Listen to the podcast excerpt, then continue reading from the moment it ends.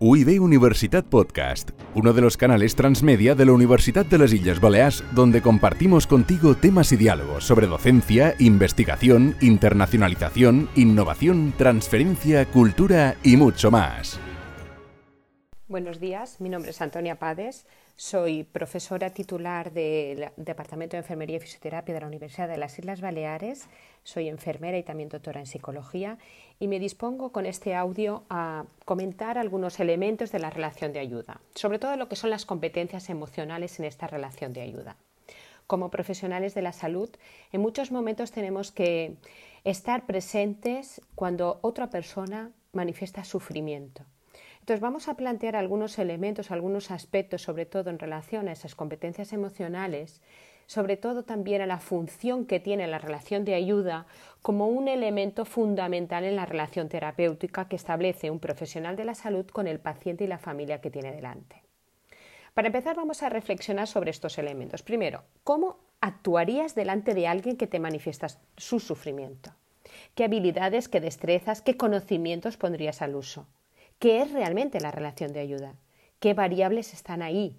¿Cuáles son algunos de los autores más relevantes? Vamos a pasar mm, por encima por algunos autores, pero sobre todo me gustaría tener presente la figura de Rogers como el padre de la psicología humanista y que será aquel que nos va a dar los principios y las actitudes a la hora de establecer una relación de ayuda. La comunicación como clave para el éxito en la relación de ayuda, la empatía, la escucha activa como dos elementos fundamentales.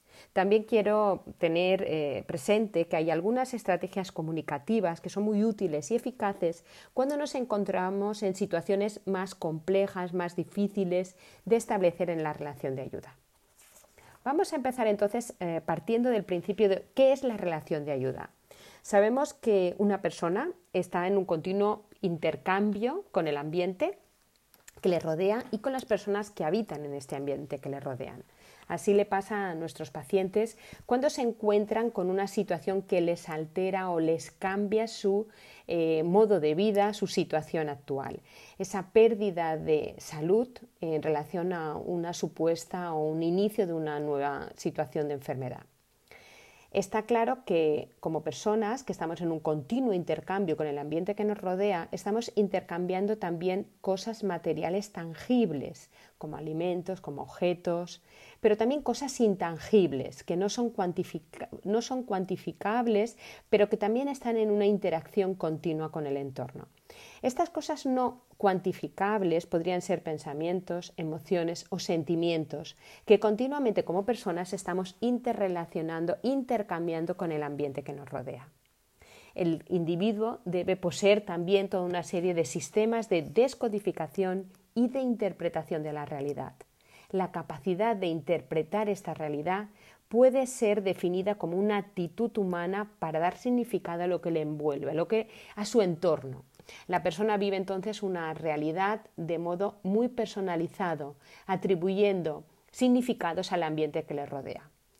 Os comento todo esto porque es fundamental tener en cuenta que cuando una persona se enfrenta a una situación de cambio, esta persona vive su realidad desde su forma de percibir ese entorno y ese mundo que le rodea.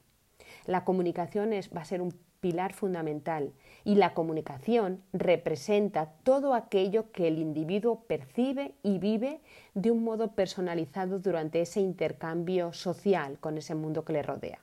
Es decir, comunicación significa tener en cuenta lo que se percibe, lo que se vive, lo que experimenta durante también las relaciones con los demás. Lo que la persona hace, su acción, se traduce también en comportamiento.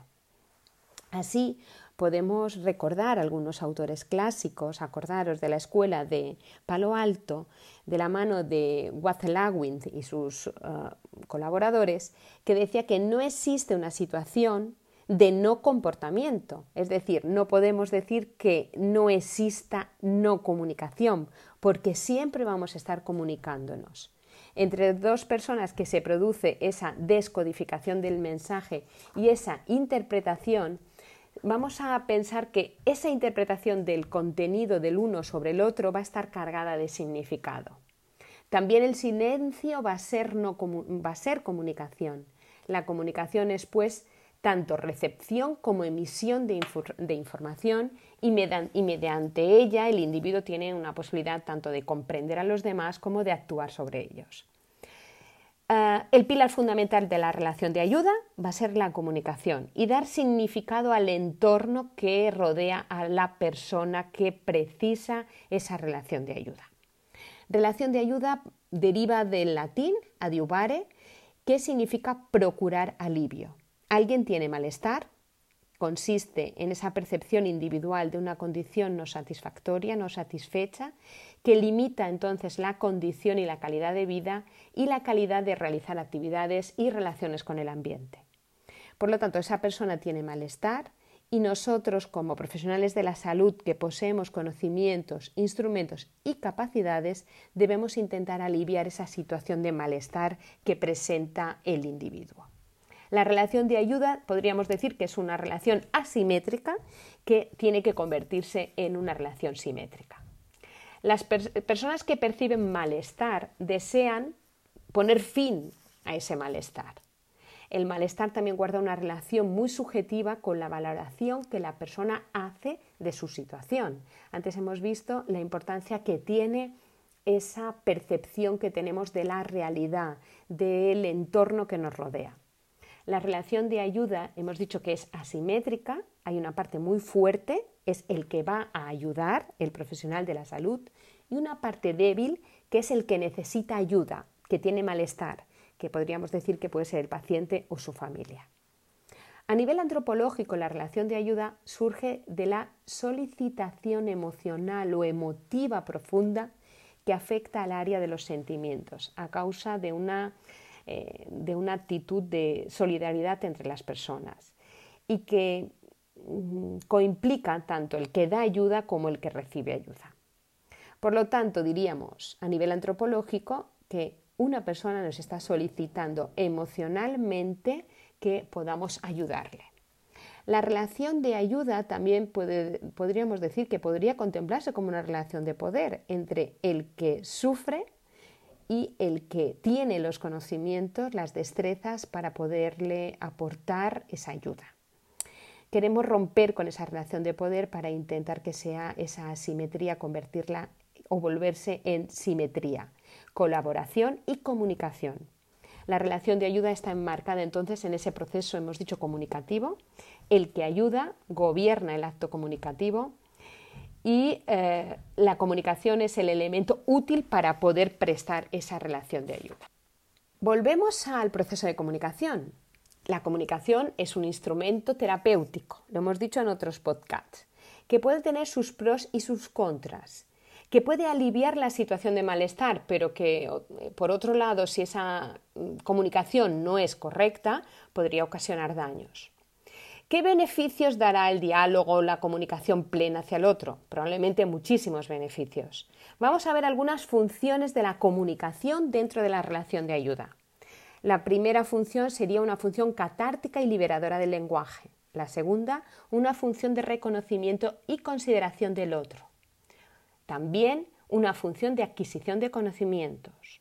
Y por último, una función de refuerzo y modificación del comportamiento del otro. Vamos a empezar por la función catártica y liberadora del lenguaje. El que tiene malestar, al comunicarlo, va a encontrar alivio. Esa carga emotiva que rodea la palabra, al expresarla, probablemente va a disminuir esa carga emotiva. Hablar eh, solos puede ser incluso liberador o puede ser un desahogo o catártico, y a veces lo hemos hecho, ese poder escribir sobre nuestras emociones o hablar solos ¿no? en relación a lo que nos está produciendo eh, ese, ese malestar o ese dolor. La palabra entonces podríamos decir que es una válvula de escape, Freud ya nos habla del efecto de caldera, que cuando en, el interior eh, estamos alcanzando una carga muy alta a nivel emocional, el hecho de hablar es una válvula de escape, una carga de presión eh, elevada que lo que hace es que a través de la palabra se libera al exterior esta presión mediante esa válvula. Es un efecto catártico de este lenguaje sobre todo en situaciones de rabia, de ira, de agresividad o de desconsuelo. Sería entonces, o podríamos decir que la comunicación a través de la palabra va a producir esa función catártica, esa función liberadora del lenguaje.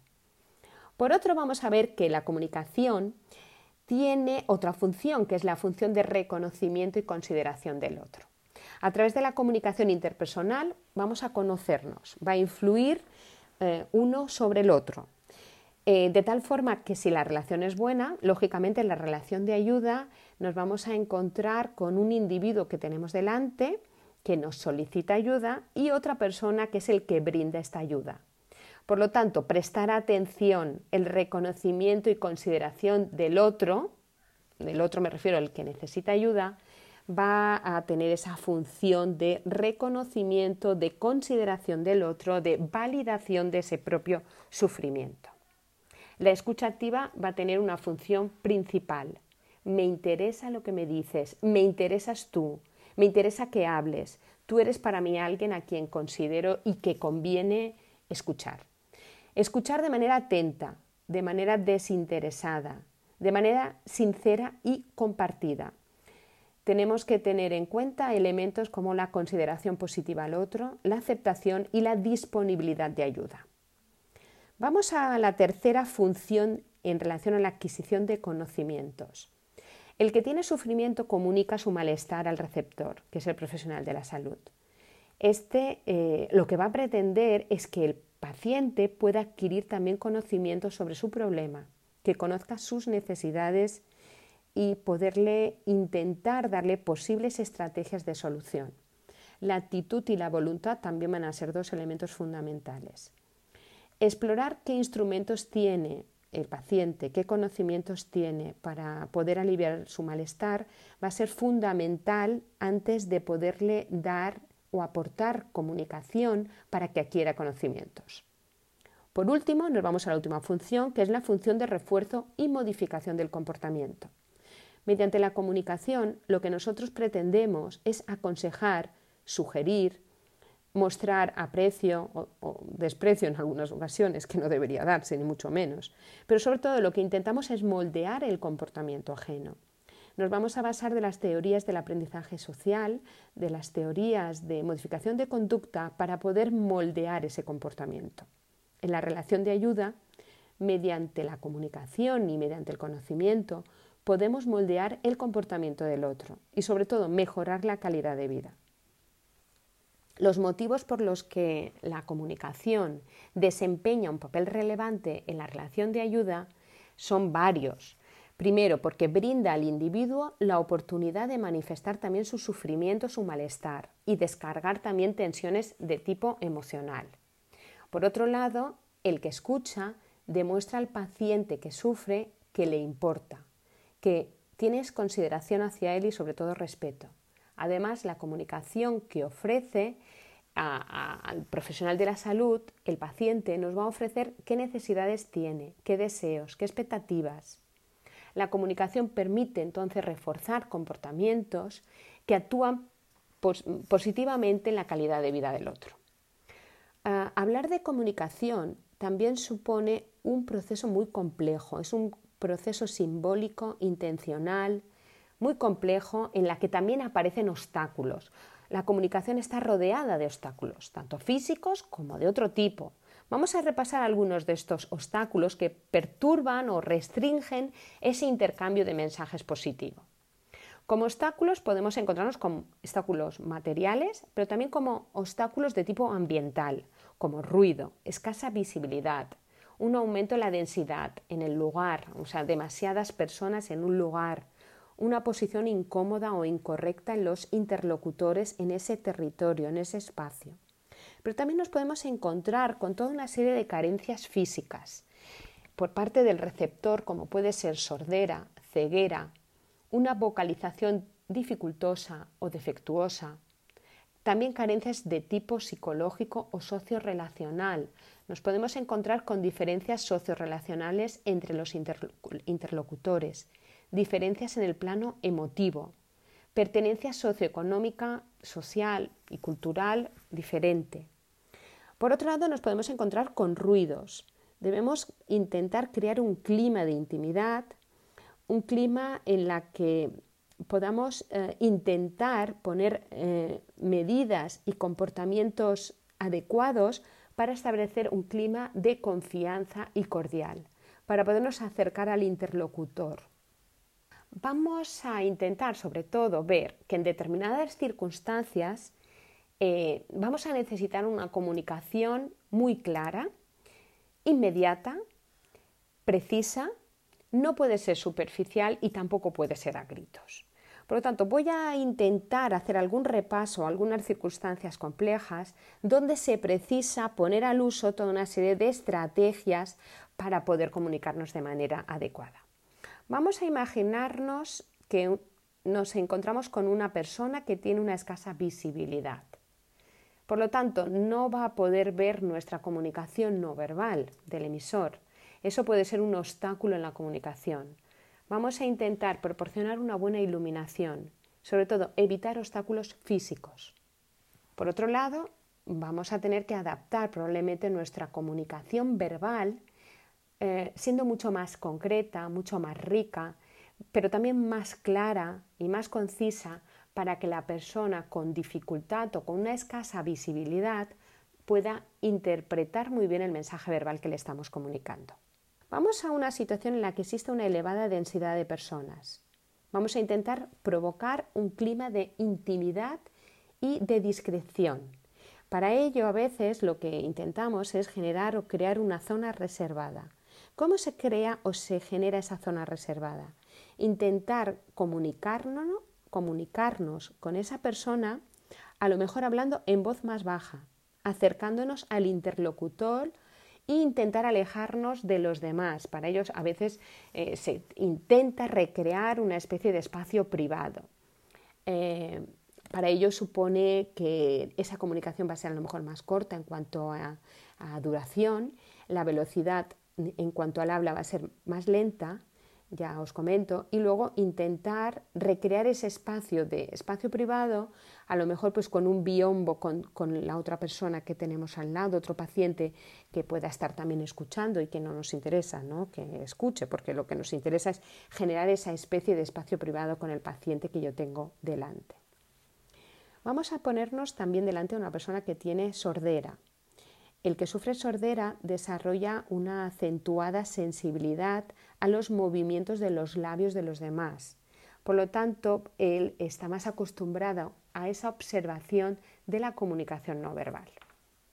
Es muy importante tener en cuenta algunas estrategias. La primera, por ejemplo, es aumentar o incrementar la aportación no verbal en la comunicación. Es decir, la gestualidad, la mímica del rostro va a estar ahí más pronunciada.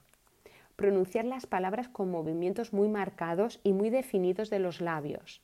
Y la expresividad del rostro mucho más marcada, como os he dicho antes, más acentuada. Aumentar también los gestos con las manos y con los brazos. Aquí el uso de gestos ilustradores va a ser fundamental utilizar tanto el cuerpo y sus movimientos para subrayar lo que se está diciendo.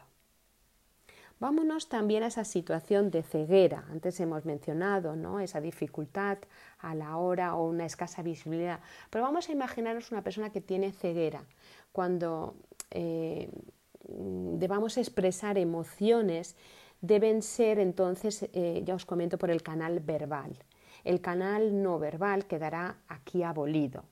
Para ello voy a aumentar el colorido y la expresividad de la voz para hacer comprender estados emocionales.